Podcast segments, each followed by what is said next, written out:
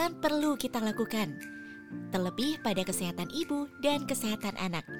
Tetapi pada saat terjadinya bencana, situasi sulit dialami oleh semua orang. Lantas bagaimana kesehatan ibu dan kesehatan anak tetap terjaga? Dan seperti apa langkah-langkahnya? Di episode kali ini Raisa Radio akan mengajak Anda untuk melihat bagaimana menjaga kesehatan ibu dan kesehatan anak pasca bencana yang akan disampaikan oleh Ibu Elsie Dwi Hapsari dan juga Ibu Hersinta Retno Martani. Tetap stay tune di Raisa Radio Indonesia Sehat.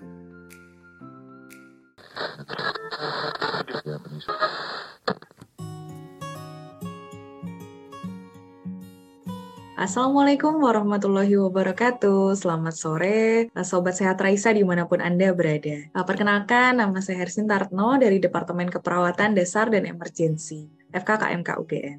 Coba kesempatan sore hari yang mendung ini ya, uh, izinkan saya untuk memandu acara bincang-bincang santai selama satu jam ke depan dengan topik kesehatan ibu dan anak pasca bencana. Nanti kita akan banyak membahas tentang kesehatan ibu dan anak secara umum, kemudian nanti akan kita fokuskan pada uh, kesehatan ibu dan anak pada situasi pasca bencana. Kali ini kita akan uh, dibersamai dengan narasumber kita, Ibu Elsie Dwi Hapsari, SKP MSDS. Beliau merupakan staf pengajar di Departemen Keperawatan Anak dan Maternitas, khusus uh, khususnya mengajar terkait keperawatan maternitas di FKKMK UGM. Sebelum kita sapa beliau, ada baiknya saya akan membacakan CV dari beliau. Jadi Ibu Elsie Dwi Hapsari ini menempuh uh, pendidikan S1 di Fakultas Keperawatan Universitas Indonesia, kemudian beliau melanjutkan S2 dan S3-nya di Kobe University uh, dengan kepakaran uh, beliau di bidang keperawatan maternitas. Beliau ini banyak sekali penelitiannya tentang uh, apa yang berfokus kepada kesehatan ibu dan anak pada situasi bencana, kemudian penyakit menular seksual, khususnya jen, pada jenis PMS yang dapat disembuhkan dan terkait menopause. Uh, baik, kalau begitu kita sapa beliau. Assalamualaikum Bu Elsie, selamat sore. Waalaikumsalam warahmatullahi wabarakatuh. Bu Hersinta, selamat sore. Suara Bagaimana saya kabarnya Bu? Alhamdulillah baik Bu. Iya, suaranya sudah terdengar jelas Bu Elsie. Ya. Jadi. Semoga sehat selalu ya Bu Elsie ya. Oke, Jadi pada sore hari ini seperti yang tadi sudah uh, kita singgung sebelumnya Bu, nanti kita akan banyak ngobrol, bincang santai tentang bagaimana sih kesehatan ibu dan anak uh, pada saat pada pasca bencana gitu ya Bu.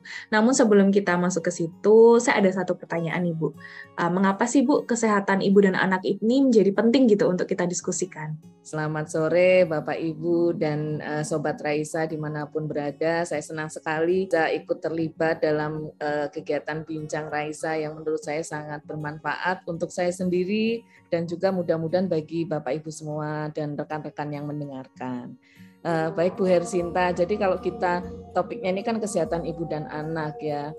Uh, jadi memang kesehatan ibu dan anak itu penting karena ada beberapa hal gitu ya yang uh, perlu kita lihat. Tapi mungkin uh, kita juga perlu tahu dulu ya konteks atau lingkupnya ya saat kita bicara kesehatan ibu dan anak gitu. Kenapa sih ibu dan anak kok nggak ibu saja gitu ya? Jadi kalau kita bicara kesehatan ibu dan anak, yang pertama adalah uh, kesehatan ibu di sini itu uh, lingkupnya adalah uh, kondisi seorang wanita pada saat hamil, bersalin dan nifas gitu ya Bu ya. Nah, kemudian kesehatan anak ini tentu saja tidak terlepas dari kesehatan ibu ya, karena eh, apa namanya ibu ini kan hamil, bersalin, melahirkan itu tentu kan karena ada bayi ya yang harus dijaga, kemudian dirawat, kemudian juga dibesarkan gitu. Jadi itu konteksnya untuk kesehatan ibu dan anak. Kemudian mengapa eh, kita perlu membahas kesehatan ibu dan anak? Yang pertama adalah kita melihat ya posisi ibu dan anak di dalam keluarga. Nah, ibu dan anak ini termasuk dalam kelompok yang punya kebutuhan yang spesifik ya. Misalnya ibu ini karena kaitannya dengan fase hamil, bersalin, kemudian nifas ya Bu ya kan ada apa tubuhnya beradaptasi, kemudian kondisi psikologisnya juga begitu ya. Kemudian untuk anak juga karena uh, kita tahu ada fase pertumbuhan dan perkembangan anak yang sangat pesat dari uh, sejak dilahirkan gitu.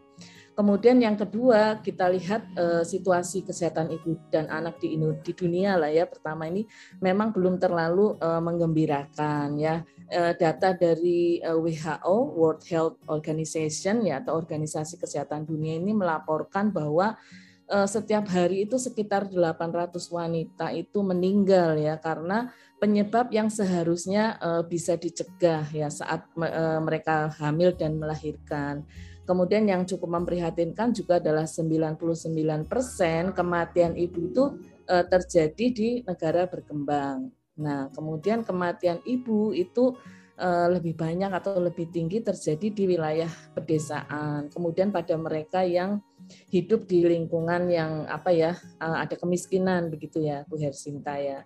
Nah terus eh, kaitannya dengan kesehatan ibu dan anak ini juga kita tidak bisa menutup mata ya bahwa di masyarakat juga ada eh, kehamilan remaja begitu ya. Nah padahal kalau remaja putri ini hamil ini risikonya itu lebih tinggi ya eh, dari kesakitan, kematian dibanding pada eh, wanita yang usianya lebih dewasa gitu. Nah, yang terakhir bahwa uh, sudah diketahui bahwa untuk proses persalinan ini sebaiknya memang uh, ditolong oleh tenaga kesehatan yang terlatih gitu ya, karena bisa menyelamatkan uh, hidup wanita dan juga bayinya gitu. Nah, Ya, tadi jadi pertama dilihat posisi ibu dan anak pada keluarga, kemudian situasi di dunia. Tentu kita perlu juga melihat situasi di, di Indonesia bagaimana ya, Bu ya.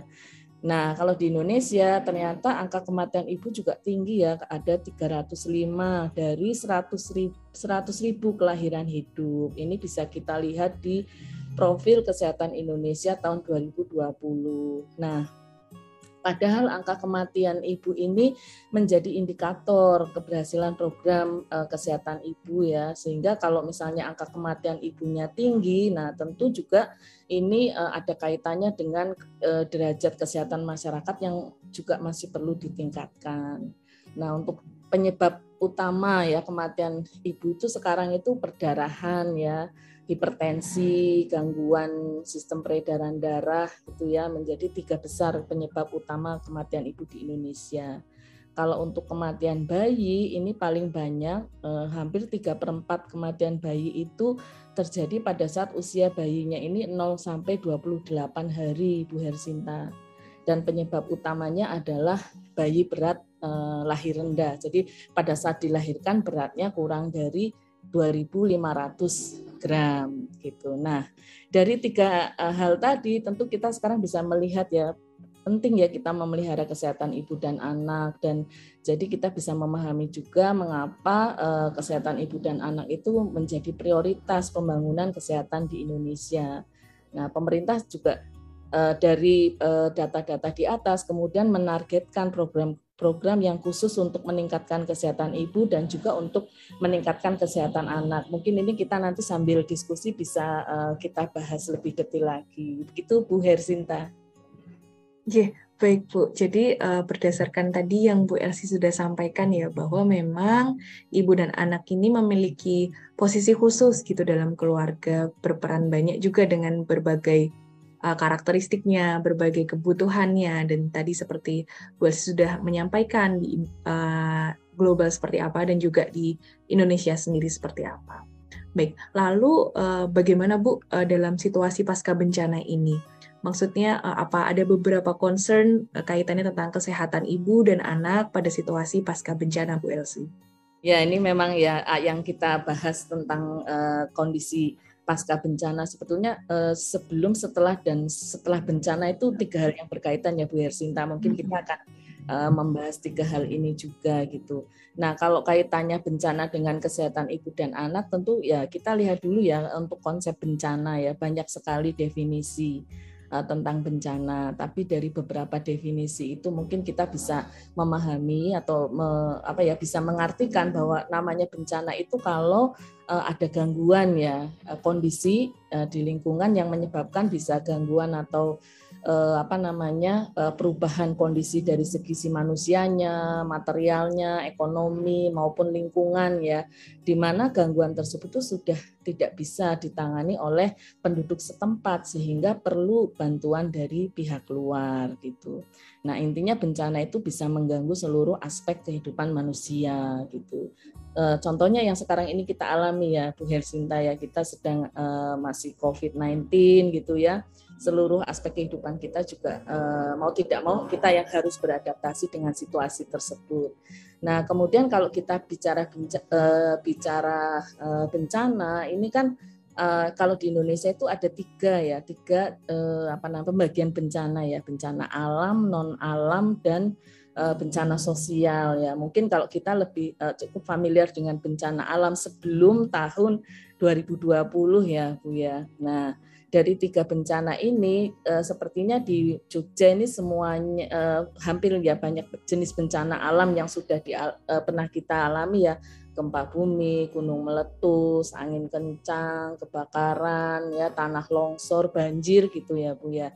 Itu sudah pernah kita alami sehingga sebetulnya dari situ kita bisa memahami bahwa kita hidup di Jogja ini ya berarti tinggal di wilayah yang uh, rawan bencana gitu. Nah, kemudian uh, ibu dan anak tadi kan kalau kita lihat itu masing-masing uh, punya apa namanya pertimbangan tertentu ya, hal-hal tertentu yang menyebabkan mereka masuk dalam kelompok rentan gitu ya, Bu Hersinta ya. Nah, kelompok rentan di sini kalau kaitannya dengan bencana ini di Indonesia itu dibagi ada Eh, bayi, balita, anak-anak, kemudian ibu yang sedang mengandung atau menyusui, kemudian penyandang cacat dan juga orang lanjut usia itu ada empat kelompok. Jadi yang kita bicarakan sore ini kan ada dua kelompok ya, ibu dan anak. Nah kemudian eh, kenapa ibu ya kaitannya tadi pada situasi normal aja si ibu ini dia perlu ada adaptasi fisik, psikologis ya kaitannya dengan hamil, persalinan dan nifas. Ya, kemudian kalau anak-anak, nah pada situasi bencana dia itu belum mampu ya memahami bencana itu seperti apa, efek untuk kehidupan dia berikutnya seperti apa, gitu ya. Jadi masih terbatas ya pemahaman mereka terhadap uh, bencana gitu. Ya, jadi uh, memang uh, untuk Eh, setelah kita tahu bahwa masing-masing punya kebutuhan spesifik itu ya berarti kalau kita ingin mem, apa ya membuat uh, kesehatan ibu dan anak menjadi lebih baik ya uh, intervensi atau tindakan-tindakan kita mengarah pada uh, keterbatasan apa sih yang mereka jumpai selama kondisi bencana dan kita berusaha mensupport ya mengoptimalkan uh, kondisi kesehatan mereka gitu Bu. Baik, terima kasih banyak Bu Elsie. Uh, tadi Ibu sempat menyinggung ya Bu tentang uh, persalinan, eh, mohon maaf kehamilan, persalinan dan juga masa nifas. Nah, kalau pada situasi bencana sendiri mungkin Ibu bisa menceritakan Ibu atau mungkin bisa dijelaskan lebih lanjut kaitannya dengan itu kan sangat uh, apa ya Bu, khas sekali gitu nggih pada Ibu. Lalu bagaimana nggih Bu kalau di situasi bencana? Ya betul Bu. Itu kan tadi kita sudah uh, tahu ya bahwa bencana itu ada beragam banyak jenisnya gitu. Ya. Kemudian ibu hamil itu kan juga ada tahapannya ya kehamilannya ya, trimester 1, 2, 3, kemudian persalinan dan nifas gitu. Nah, dari yang saya baca itu memang uh, jenis bencana yang berbeda bisa menyebabkan uh, apa namanya respon atau kondisi ibu yang berbeda juga gitu. Tapi kalau dari literatur itu bisa kita kompilasikan bahwa Eh, efek dari bencana itu bisa menyebabkan ibunya mengalami keguguran, kemudian eh, melahirkan lebih cepat dari waktunya, jadi kurang dari 37 minggu. Kemudian kondisi bayinya yang dilahirkan itu tadi ya berat badannya jadi berat lahir bayinya jadi lebih rendah, lingkar kepalanya itu mungkin lebih pendek atau lebih kecil gitu ya. Kemudian di skala yang lebih besar itu di komunitas itu ternyata dengan adanya bencana itu menyebabkan eh, ada perubahan rasio jenis kelamin bayi yang dilahirkan. Jadi pasca bencana itu dilaporkan lebih banyak yang dilahirkan itu bayi perempuan dibanding eh, laki-laki. Seperti itu, Bu. Wah, menarik ya, Bu. Ternyata ada penelitian tentang setelah bencana yeah. lebih banyak yang apa bayi perempuan daripada laki-laki. Yeah. Mohon izinkan saya untuk membacakan pertanyaan Bu dari salah satu audiens. Yeah. Zoom yeah. ini ada dari Mbak Sasa Puspita. Yeah. Jadi uh, selamat sore Bu Elsi dan Bu Hersinta, bagus topiknya Bu. Jadi uh, peran ibu memang luar biasa ya, dan terkadang ibu melakukan apa pun untuk anaknya. Hmm. Dalam hal ini bagaimana batasannya agar ibu juga memprioritaskan dirinya sendiri, terutama pada saat bencana. Terima kasih Bu. Terima kasih Mbak Sasa. Mungkin bisa dibantu dijawab Bu Elsie. Baik, terima kasih eh, Mbak Sasa Puspita atas pertanyaannya. Ini sebetulnya eh, memicu yang akan kita bahas berikutnya ya Bu Hersinta ya. Tapi di sini saya mungkin bisa menjawab bahwa tadi eh, di awal kita sudah mendiskusikan bahwa kesehatan ibu dan anak ini saling berkaitan erat ya Bu ya. Nah, kalau kita ingin memprioritaskan diri sendiri ya, tentu otomatis itu juga akan berefek pada uh, anak atau bayi yang kita kandung ya Bu ya. Ya secara otomatis ya. Jadi ada kebetulan saya juga uh, ada penelitian lah ya meskipun sampelnya dalam jumlah yang masih terbatas. Jadi di situ uh, diketahui pada situasi bencana itu respon anak ya bayi atau anak itu akan dipengaruhi oleh bagaimana respon orang tua atau pengasuhnya terhadap bencana tersebut. Jadi kalau orang tuanya cemas ya, ibunya apa gelisah, sedih, nah itu ternyata akan mempengaruhi kondisi psikologis anaknya gitu. Nah, jadi kalau pertanyaannya eh, bagaimana mem, eh, batasan memprioritaskan diri sendiri itu menurut saya itu sudah otomatis kalau kita memikirkan kondisi kita, nah itu akan uh, secara tidak langsung ya, pas secara langsung malah juga mempengaruhi kondisi anaknya. Nah, uh, bagaimana tips-tipsnya itu mungkin kita bisa, misalnya kita menyusui ya pada kondisi bencana. Nah, kita pada kondisi tanpa bencana pun untuk bisa menyusui dengan baik, dengan lancar itu kan kita butuh uh, tenang gitu ya, pikiran yang apa namanya eh, tidak terbebani begitu ya. Malah itu nanti di salah satu mungkin di bagian nanti akhir diskusi kita itu ada tentang eh, disaster kit gitu ya Bu Hersinta. Nah, salah satu disaster kit yang bisa kita siapkan pada eh, ibu dan anak itu adalah apa? Eh, ini loh buku-buku bacaan atau media apa pun yang bisa membantu kita menenangkan diri kita gitu. Nah, itu tujuannya supaya apa? Kita bisa rileks, kemudian itu bisa menular atau bisa mempengaruhi respon dari anak kita. Uh, tadi saya jadi tergelitik Bu dari penjelasan Bu Elsie tadi bahwa memang ibu dan anak menjadi tidak bisa dipisahkan ya Bu dalam konteks apa pun khususnya pada saat bencana. Jadi kita sebagai ibu juga tidak perlu khawatir gitu kalau kita juga mem memperhatikan tentang well-being kita, tentang kesejahteraan kita karena ini akan uh, ada hubungannya gitu nih tentang kesejahteraan anak. Nah, saya jadi uh, lebih penasaran lagi Bu. Jadi uh, apa yang harus dilakukan ya Bu? Uh, dari orang tua ataupun pengasuh utama anak gitu ya. Mungkin nenek kakek saat terjadi bencana supaya kesejahteraan anak ini tetap terpelihara ya Bu. Mungkin bisa diceritakan lebih lanjut lagi Bu. Baik ya ini memang uh, apa namanya mungkin saya menjawab dari uh, mas dari hasil penelitian ya Bu ya. Ini uh, kebetulan ada penelitian yang uh, pernah kita lakukan pasca gempa bumi uh, di eh, bukan pasca erupsi erupsi Merapi di Jogja ya Bu ya di tahun 2010. Jadi di situ kita melihat pengalaman ibu menyusui sebelum, saat dan setelah erupsi Merapi. Jadi uh, dari yang kita uh, wawancara itu Eh, pada saat terjadi bencana memang ada peningkatan respon psikologis ibu ya. Jadi ibunya tuh stres, nafsu makannya berkurang, sedih, susah, cemas, bingung, takut ya, susah tidur. Nah, kemudian juga kondisi kesehatan anaknya juga terganggu ya. Eh, misalnya ada yang masuk angin, sakit panas, batuk, pilek, sesak nafas, demam, diare. Nah, mungkin ini kan ada kaitannya dengan jenis bencana juga ya, Bu ya. Karena ini erupsi Gunung Merapi, jadi mungkin eh, debu begitu ya. Nah, ini mempengaruhi kondisi uh, ibu dan anaknya juga begitu ya, Bu ya. Nah, kemudian apa namanya tadi yang ditanyakan, Bu? Jadi uh, apa ini Bu? Apa yang harus dilakukan sebagai ya, orang tua? Ya, yang harus ya betul. Jadi yang harus dilakukan oleh orang tua yang pertama ini berarti kan jangka pendeknya ya kita harus bisa mengelola stres kita sendiri.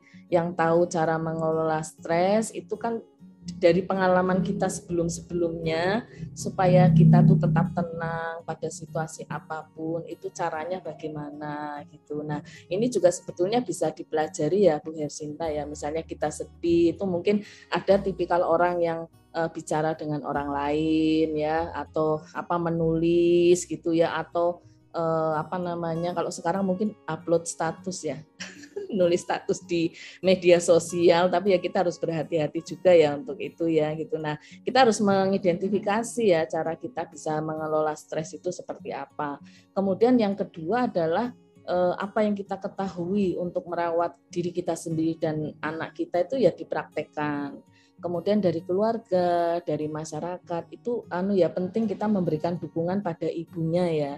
Jadi supaya ibunya itu ya dengan perhatian ya, dukungan itu kan macam-macam ya, dengan perhatian, diajak ngobrol, kemudian pada situasi pasca bencana itu kan misalnya di shelter itu ya Bu ya, itu kan ada beberapa yang mengeluh misalnya jumlah pengungsinya yang banyak, fasilitas di shelternya itu kurang sensitif terhadap kebutuhan ibu dan anak gitu ya. Nah, ini Eh, apa namanya keluarga maupun masyarakat tuh bisa membantu supaya si ibu ini dia bisa tetap ada privasi gitu ya. Kemudian bisa terjamin kesehatan maupun uh, keselamatannya ya. Karena ada beberapa risiko juga ya pasca bencana. Misalnya yang ekstrim itu ya ada uh, kekerasan pelecehan seksual itu bisa terjadi juga begitu ya Bu ya. Mungkin itu yang uh, apakah menjawab Bu Hersinta?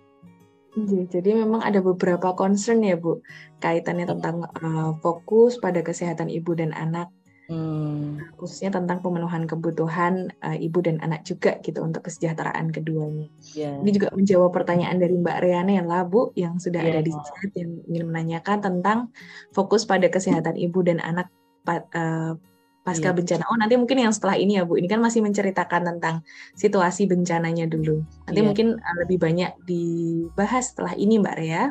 Iya. Kebetulan ini ada pertanyaan lagi, Bu, dari Sobat Sehat Raisa melalui WhatsApp dari Ibu Kuswah Yudiati di oh. Jogja. Iya. Jadi Gimana? Uh, menarik Bu temanya sore ini. Saya jadi penasaran, adakah cerita-cerita Bu bagaimana kondisi ibu-ibu hamil pada saat di pengungsian. Tadi sempat Ibu singgung ya Bu tentang yeah. keterbatasannya dan bagaimana peran keluarga sebaiknya. Padahal keluarga juga menjadi penyintas bencana nih Bu Elsie. Yeah. Jadi bagaimana support uh, dari keluarga menikah Bu? Monggo. Yeah. Baik, terima kasih ya Bu uh, Ibu Kus yang uh, tadi menanyakan. Tadi sebenarnya sudah ada cerita dari penelitian yang kita lakukan ya Ibu hamil saat di pengungsian. Nah, kalau saya mungkin yang sering saya sampaikan juga pada mahasiswa saat kita membahas tentang kesehatan ibu dan anak pada situasi bencana itu adalah justru pengalaman anu ya malah seorang perawat ya di uh, pasca apa pasca gempa bumi di uh, Bantul ya Bu Hersinta. Jadi si uh, ibunya ini sedang hamil 9 bulan gitu ya. Kemudian uh, apa namanya uh, pada saat terjadi gempa dia kan langsung menyelamat berusaha menyelamatkan diri begitu ya. Tapi mau ke tempat perawatan kesehatan itu kan penuh semua. Akhirnya dia mengungsi ke kota lain begitu ya. Nah, kemudian setelah beberapa hari dia kembali ke rumahnya gitu ya, kondisi janinnya ini kebetulan uh, sehat gitu ya, tetap sehat gitu ya. Tapi ternyata uh, pada saat uh, dia siap melahirkan itu ada aftershocks atau gempa susulan gitu. Sehingga uh, dia mau mengejan itu terus ya karena ini ya situasinya mungkin ya itu tadi mungkin tidak hanya keluarga saja tenaga kesehatan juga mengalami kondisi uh, apa namanya perlu adaptasi psikologis juga ya pada situasi bencana. Sehingga ini ibunya merasa oh ini saya mau melahirkan kok saya nggak optimal diberikan pertolongan gitu. Sehingga sampai uh, waktu itu saya sampai tujuh tahun setelah kejadian bencana itu tuh ibunya tuh nggak mau hamil lagi karena khawatir nanti kalau pas hamil saya melahirkan kejadiannya seperti itu, aduh saya nggak bisa membayangkan gitu. Nah kita bisa melihat ya ini adalah satu contoh eh, yang mengalami ini tenaga kesehatan ya bagaimana dengan masyarakat umum yang lain begitu ya. Nah untuk peran dari keluarga padahal mereka juga eh, penyintas atau survivor bencana. Nah ini memang kita kembali lagi ke definisi awal terkait bencana ya Bu Hersinta bahwa eh, dikatakan bencana itu kalau eh, apa namanya masyarakat atau keluarganya itu sudah tidak mampu ya melakukan atau berperan sesuai fungsinya sehingga butuh dukungan dari orang lain atau dari masyarakat yang lain. Nah, ini pentingnya peran pada saat bencana itu adalah eh, tenaga kesehatan misalnya ya yang diterjunkan ke wilayah bencana itu uh, mampu memerankan peran yang tidak hanya menolong mungkin secara apa namanya luka-luka fisik saja, tapi juga secara psikologis bisa memberikan pendampingan yang optimal bagi para uh, survivornya begitu.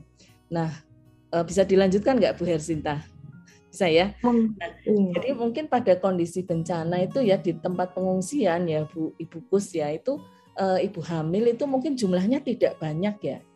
Mungkin di satu tempat gitu ya dibanding mungkin pengungsi yang lainnya gitu ya. Tetapi kalau kita sudah tahu ya kebutuhan mereka yang spesifik meskipun jumlahnya hanya satu saja, kita tetap harus memberikan dukungan yang optimal gitu ya. Karena si ibu ini ya itu tadi eh, ada ibu dan ada anak. Sebetulnya kita kan anu ya merawat dua-duanya juga mem memfasilitasi supaya mereka tetap eh, kondisinya tetap sehat gitu. Apakah menjawab buku Hmm, jadi Bukus tanya lewat WA Ibu. Nanti oh, mungkin iya, kita iya, tunggu jawaban dari Bukus nih. Iya, jadi Uh, dari yang Bu Elsie sampaikan tadi ya Bu, saya jadi terbayang. Uh, di ke, di apa namanya sehari-hari aja gitu ya Bu, ibu hamil, kemudian juga ibu dengan anak itu juga butuh support sekali gitu hmm. dalam menjalani proses-prosesnya, apalagi di situasi yang uh, tidak ideal gitu ya Bu dalam hal ini bencana. Tadi Bu Elsie juga sudah menyinggung sebagai tenaga kesehatan kita juga uh, lebih concern gitu apabila di pengungsian tersebut ada ibu ibu dan juga anak. Nah, kebetulan ada lagi Bu sobat sehat yang menanyakan tentang hal ini melalui uh, WhatsApp. Jadi dari Mas Hanif Hascaryo Bu, kebetulan beliau uh, bergerak di bidang kerelawanan bencana.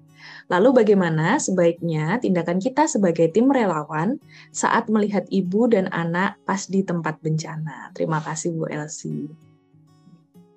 Baik, terima kasih uh, Mas Hani pertanyaannya ini memang uh, anu ya penting untuk kita ketahui ya karena tim relawan itu kan yang uh, apa namanya setahu saya juga aktif ya langsung terjun pada saat situasi apa namanya bencana begitu ya.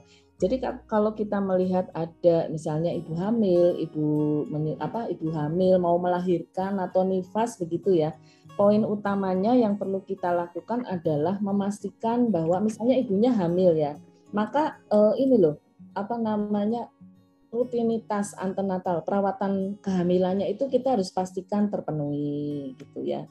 Kemudian yang kedua, kita pastikan ibunya itu tahu nggak tanda-tanda misalnya persalinan, tanda bahayanya apa gitu. Supaya uh, kita sebagai tim relawan juga bisa menyiapkan dan mengidentifikasi ya apa yang harus kita lakukan berikutnya gitu Bu Hersinta.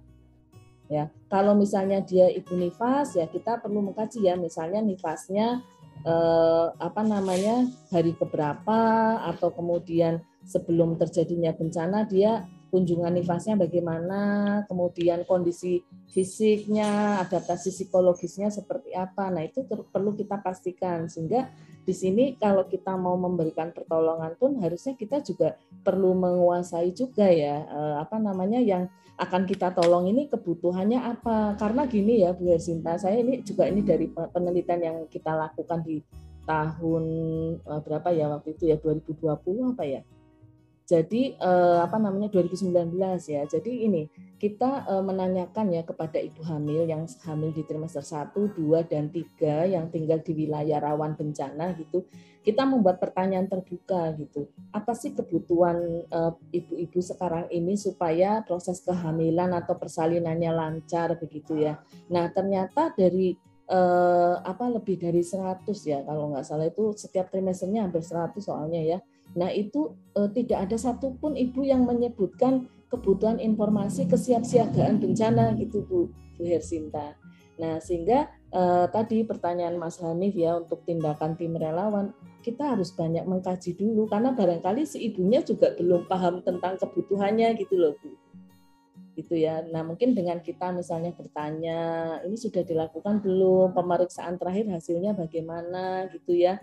Karena eh, ini misalnya kemarin dari penelitiannya pasca bencana banjir di Konawe eh, Konawe Utara ya Bu itu eh, untuk ibu hamilnya ternyata informasi yang dibutuhkan itu tentang pemeriksaan USG untuk ibu nifas itu kebutuhan yang utama ingin mereka tahu itu tentang kontrasepsi gitu. Kemudian ibu yang dengan bayi baru lahir ya punya bayi yang baru dilahirkan itu ingin tahu tentang imunisasi gitu. Nah, jadi kita juga harus membekali diri kita dengan informasi-informasi itu supaya bisa uh, memberikan bantuan yang optimal. Uh, baik Bu Elsie, uh, tadi Ibu uh, sudah menceritakan ya Bu tentang beberapa penelitian yang pernah Ibu lakukan kaitannya tentang kesehatan ibu dan anak pada saat bencana. Mungkin Ibu bisa menceritakan, Bu, adakah penelitian lain yang tadi juga belum diceritakan, Bu? Monggo, Bu Elsie. Ya, baik, uh, Bu Ersinta, ya memang ada beberapa penelitian yang telah kami lakukan ya. Mungkin ada beberapa nanti juga berkaitan dengan implikasinya, apa yang harus kita lakukan pada situasi pasca bencana ya, Bu ya. Eh, kita awali di tahun 2022 ini eh, kita sedang melakukan penelitian tentang pemanfaatan buku KIA ya pada ibu hamil, ibu nifas, ibu yang memiliki bayi baru lahir, terutama pada situasi eh, pandemi COVID-19. Kenapa ya? Karena salah satunya adalah dengan situasi pandemi itu kan pemerintah mengharapkan supaya ibu itu secara aktif ya memanfaatkan buku KIA. Nah, ini juga nanti yang saran untuk Mas Hanif tadi ya, apa yang harus kita lakukan pada uh, pasca bencana kalau menjumpai ada ibu hamil atau uh, nifas begitu ya. Nah, kita uh, perlu membekali diri kita dengan informasi-informasi yang ada di buku KIA ini ya, Bu Hersinta. Karena isinya itu mudah dipahami dan memang itu yang harus dilakukan untuk Eh, apa namanya misalnya untuk ibunya ya bagaimana menyusui dengan baik tanda bahaya persalinan pada anak itu apa namanya eh, tumbuh kembang anak yang baik itu seperti apa kemudian tanda bahayanya pada anak yang butuh perawatan lebih lanjut itu seperti apa itu semua ada di buku KIA termasuk juga kesiapsiagaan bencana Bu Hersinta. Nah, kalau tadi kan kita ke arah pasca bencana ya. Nah, setelah bencana itu harusnya kan kita mengidentifikasi ya apa yang perlu kita siapkan ya. Bukan berarti kita mengharapkan akan ada bencana, tetapi eh, apa namanya? Kalaupun ada bencana itu kita tahu apa yang dilakukan dan kita sudah siap menghadapi gitu ya Bu Hersinta. Nah, ini di buku KIA itu sudah ada ya apa yang harus disiapkan misalnya eh, untuk eh, apa namanya ibu dan anak itu eh, tidak hanya eh, mau menyiapkan kit bencana ya. Jadi kitnya kan beda-beda ya untuk orang lain. Apa misalnya eh, suami atau apa namanya anggota keluarga yang lain. Tapi untuk ibu nih harus ada misalnya benda khusus untuk bayi dan balita, pembersih higienis ya, benda khusus untuk untuk ibu hamil bersalin nifas ya misalnya kain, pakaian dalam gitu. Setnya itu beda-beda. Nah, eh, kadang itu saya eh, waktu mengajar itu ini ya menanyakan pada mahasiswa ya, karena kita kan nanti juga akan menyampaikan kepada masyarakat ya. Saya tanya eh, punya disaster kit enggak ya? Kit bencana enggak? Ternyata itu saya lihat trennya itu dari tahun ke tahun hampir sama ya 60-70 persen tuh nggak punya loh Bu Hersinta. Nah, bagaimana kita mengajarkan kepada masyarakat kalau kita sebagai tenaga kesehatan sendiri kita di rumah belum punya gitu. Disaster itu isinya apa gitu. Kita tidak mengharapkan akan menggunakan itu tapi kita punya itu. Nah, eh, itu yang eh, yang tahun 2022 ini untuk pemanfaatannya belum selesai ya. Mungkin nanti kalau sudah ada hasilnya dan kita bisa diskusikan di bincang Raisa berikutnya, insya Allah akan saya sharekan gitu. Kemudian yang bencana banjir tadi sudah ya Bu eh, Hersinta ya. Mungkin yang menarik satu lagi adalah tentang apa namanya ini ya penggunaan kontrasepsi ya. Jadi di Indonesia ini unik ya bahwa eh, paling banyak itu kan penggunaan alat kontrasepsi itu ada eh, pil suntik ya IUD ya Bu Hersinta. Nah ini mungkin berbeda dengan negara lain. Jadi eh, apa namanya misalnya ada gempa bumi ini salah satu keluhan untuk peng, tidak menggunakan kontrasepsi itu adalah alat kontrasepsinya itu terkubur gitu eh, terkubur di reruntuhan akibat gempa bumi gitu nah itu juga perlu menjadi eh, perhatian juga pada saat kita menyiapkan eh, apa kit bencana ya disaster kit ini ya bisa kita siapkan untuk penggunaan kontrasepsi itu gitu. Nah kemudian eh, mungkin itu eh, kaitannya dengan bencana ya Bu ya misalnya gunung meletus tadi kan kita sudah bisa tahu ya mungkin eh, keluhannya itu ada penyakit dari sistem pernafasan, sistem pencernaan begitu ya kunjungan anak ke puskesmas menjadi lebih tinggi gitu dibanding sebelum bencana gitu. Kemudian satu lagi kita pernah melakukan uji validitas reliabilitas untuk kesiapan menghadapi bencana pada ibu hamil ya Bu Hersinta. Nah ini juga perlu diperhatikan. Jadi uh, kita perlu punya pengetahuan dan pengalaman terkait bencana. Kita harus punya persiapan sebelum bencana, keamanan di dalam rumah. Ya keamanan di dalam rumah itu misalnya ya kita punya bayi gitu ya. Nah gimana kita menumpuk barang-barang ya? Kalau antisipasi bencana itu kita harus eh, apa namanya jangan menumpuk barang-barang di sekitar tempat tidur bayi, kemudian benda-benda yang berat ya letakkan di eh, bagian yang paling bawah.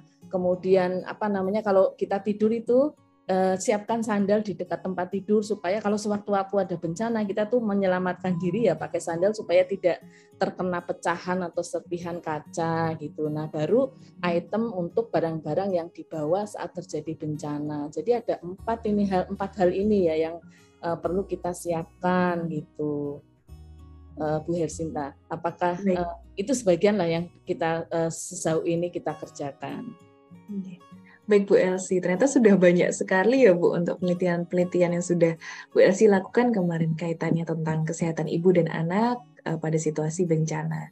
Nah Bu, ini ada pertanyaan Bu dari Bu Retna Ningsi Utami uh, melalui chat Zoom. Uh, sore Bu Elsi dan Bu Hersinta, selamat sore Bu Ratna. Izin bertanya, disaster kit itu mirip dengan P3K? Kah isinya? Terima kasih Bu. Mungkin bisa dijelaskan Bu tentang disaster kit tadi. Baik. Uh, terima kasih Bu Retnaningsi. Ini pertanyaannya bagus sekali ya karena ini uh, sebetulnya yang kita harapkan kita uh, punya kesiapsiagaan yang baik. Jadi kalau untuk disaster kit ini lebih dari uh, P3K ya Bu ya dan akan kita eh, masing-masing kegunaannya berbeda ya. Kalau ini kita bicara kesehatan ibu dan anak, maka isi dari disaster kit itu ya kaitannya dengan yang bisa digunakan untuk merawat ibu dan anaknya pada hari-hari pertama pasca bencana gitu Bu Retnaningsi. Jadi isinya itu eh, tadi ya kalau yang di buku KIA itu kan ada tanda pengenal, terus eh, pakaian, selimut, popok itu ya untuk bayi dan balitanya, kemudian untuk ibunya ya misalnya perawatan mandi, hand sanitizer, tisu basah gitu ya. Nah, kalau yang ke kemarin kita lakukan penelitian baru uji validitas dan reliabilitasnya saja sih ya Bu, tapi mungkin nanti ke depan kita akan coba uh, identifikasi uh, apa namanya lebih lanjut ya. Itu uh, dari daftar ya disaster kit untuk ibu dan anak yang uh, dikembangkan oleh College of Nursing Art uh, Science dari Hyogo University Jepang itu ada 41 item Bu Retnaningsi. Nah, 41 item ini kita usahakan tuh bisa dibawa itu beratnya sekitar 5 kilo. Nah 5 kilo itu kan ya nggak terlalu berat gitu ya dan sewaktu-waktu dibawa itu kita bisa uh, segera uh, me, apa ya namanya tidak terlalu sulit untuk menjangkau dan membawanya gitu.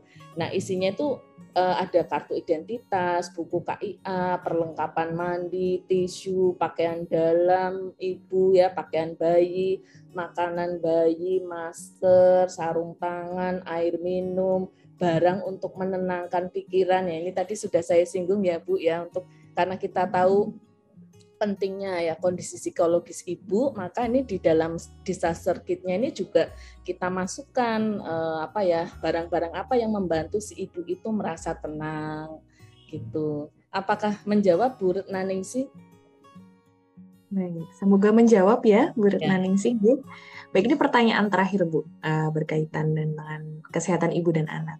Tadi kita sudah banyak membahas tentang bagaimana sih pada saat situasi bencananya ya Bu. Kemudian setelah bencana, bagaimana sih Bu tentang kesehatan ibu dan anak atau adakah hal-hal yang perlu kita perhatikan gitu tentang kesehatan ibu dan anak setelah bencana? Ya, baik. Nah, sebetulnya pada saat eh, pasca bencana itu ya Bu ya. Ada risiko ya ibu dan anaknya itu ya. Pertama mungkin kondisi pengungsian yang mungkin tidak memadai ya tidak sesuai harapan kita ya karena kan situasi emergensi. Kemudian hygiene dan sanitasi yang buruk. Kemudian risiko pelecehan, kekerasan, trauma ya, risiko kesakitan, kecacatan, kematian, kemudian eh, untuk anaknya juga apa risiko terpisah ya dari orang tua gitu ya. Sehingga uh, ada beberapa yang uh, mungkin kita perlu lakukan untuk jangka pendeknya tadi ya dari ibunya itu mengelola stres yang baik, mempraktekkan tadi menggunakan buku KIA dibaca, kemudian diterapkan gitu ya. Kemudian dari keluarga dan masyarakat tadi memberikan dukungan, ya perhatian, bantuan langsung, menjaga privasi, keamanan, keselamatan. Kemudian dari pemerintah dan pihak terkait itu juga mungkin dalam pembuatan shelternya ya diusahakan mungkin yang sensitif ya terhadap kebutuhan ibu dan juga anaknya. Misalnya dari kepadatan penghuninya, kemudian kelembabannya gitu ya, suplai makanan ya, makanan minuman ya. Kita mengharapkan ibunya itu jangan sampai uh, ya kondisi stres itu kan bisa menyebabkan uh, anu ya, produksi ASI ya, mempengaruhi produksi ASI. Nah, tadi ibu supaya Eh, eh, kita membantu ibunya tetap bisa menyusui anaknya itu menjadi hal yang penting ya. Kemudian juga untuk tenaga kesehatan ya saya rasa harus bisa memahami tentang eh, perinatal emergency preparedness. Jadi apa ya kesiapsiagaan kaitannya dengan kondisi emergensi di lapangan gitu ya Bu itu menjadi penting. Kemudian untuk jangka panjangnya, nah itu selain ada kita membuat Eh, apa namanya eh, membekali diri tentang kesiapsiagaan bencana itu juga eh, apa namanya saran saya itu ini ya kita harus apa namanya sering berinteraksi dengan keluarga dengan tetangga kalau itu istilahnya itu modal sosial ya, sosial kapital ya Bu Hersinta. Pernah dengar ya mungkin istilah itu ya. Jadi kita eh, kadang kan keluarga kita malah jauh ya, yang paling dekat dengan kita tetangga kita. Coba eh, kita bertanya pada diri kita masing-masing ya. Kalau ada bencana, kira-kira mau nggak kita berbagi makanan dengan tetangga kita? Terus eh, mau nggak kira-kira tetangga kita mau nggak ya dia berbagi makanan dengan saya kalau ada bencana. Nah, kalau uh, kita uh, semakin tinggi keyakinan kita, berarti itu kita punya modal sosial yang besar gitu. Kita bisa uh, sama-sama uh, apa namanya uh, pulih ya, pulih dari bencana dengan lebih cepat. Kemudian bersama-sama uh, menjadi apa namanya lebih baik kondisinya ya pasca bencana gitu bu.